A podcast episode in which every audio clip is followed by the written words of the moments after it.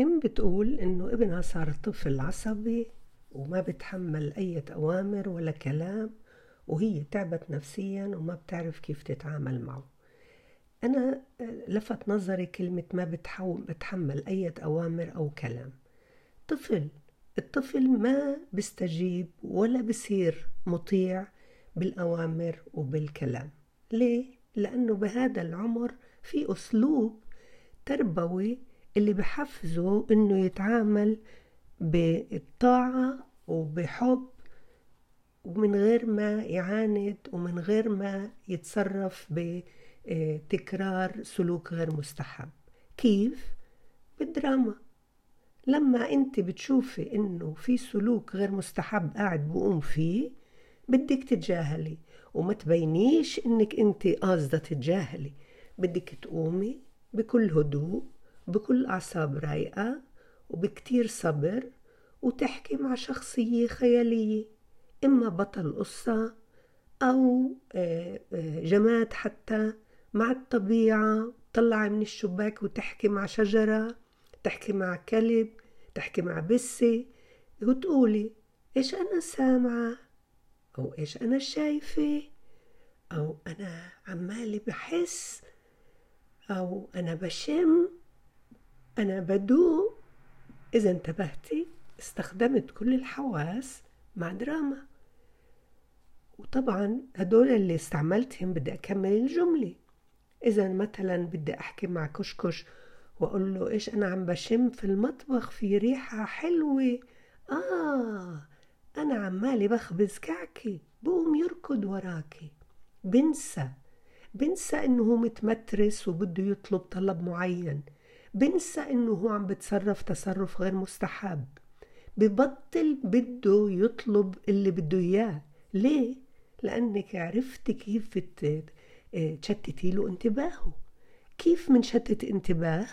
بالدراما مع الحواس وما منضلنا محلنا وما منآمر ومننهى ولا منأمره حتى ولا منعطيه تعليمات وبنفس الوقت بمدحه بسلوك مستحب. انت شايف يا كشكش؟ وبتسمي اسمه وبتمدحيه شفتوا كيف ساعدني؟ شفتوا كيف لما إحنا جينا بدنا نرتب الطاولة عشان بدنا ناكل وجبة الفطور؟ شفت انت؟ انت سمعتوا كيف بقول للبابا تسمح بابا؟ سمعت ما أحلى كلامه؟ آه أنا بدي إياك تسمعه وهو عمال يسرد قصة. انت ولا مرة سمعته وهو بسرد قصة. كل الإمكانيات اللي بتيجي على راسك بإنك أنت بتتذكري إنه قام بسلوك مستحب قبل شوي قبل ساعة من بداية النهار. بدك تذكريها وتمدحيها عن طريق الشخصية الخيالية. بعدين غير هذا مثل ما قلت لك أنا بدك تتجاهلي وما تفرجيهوش إنك أنت بتتجاهلي. وأهم من كل اللي بقولته إنك بدك تلتزمي وبدك تثبتي وتداومي على هذا الأسلوب. مش اليوم عملتي الدراما وبكرة قلت لك خلص عاد ليش بتسمعيش بتفهمش. ترجعي كمان مرة لنفس الأسلوب تبعك. أنت بدك تتدربي أنت بدك تطوري شخصيتك أنت بدك تتحدي حالك وهذا كتير مهم. بعدين إيش هو بحاجة؟ بدنا نوفر له بيئة. إيش البيئة اللي بدنا نوفر له إياها؟ المثرية لإله.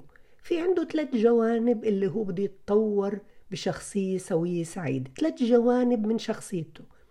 إما الجسمانية يعني رياضة حركة تصريف طاقة تنفيس بإشي بحبه.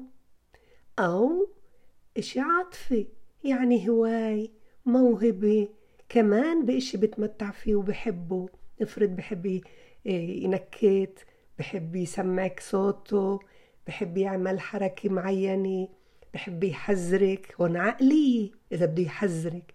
بحب يركب آه، ألعاب بدها فكر بدها عقل.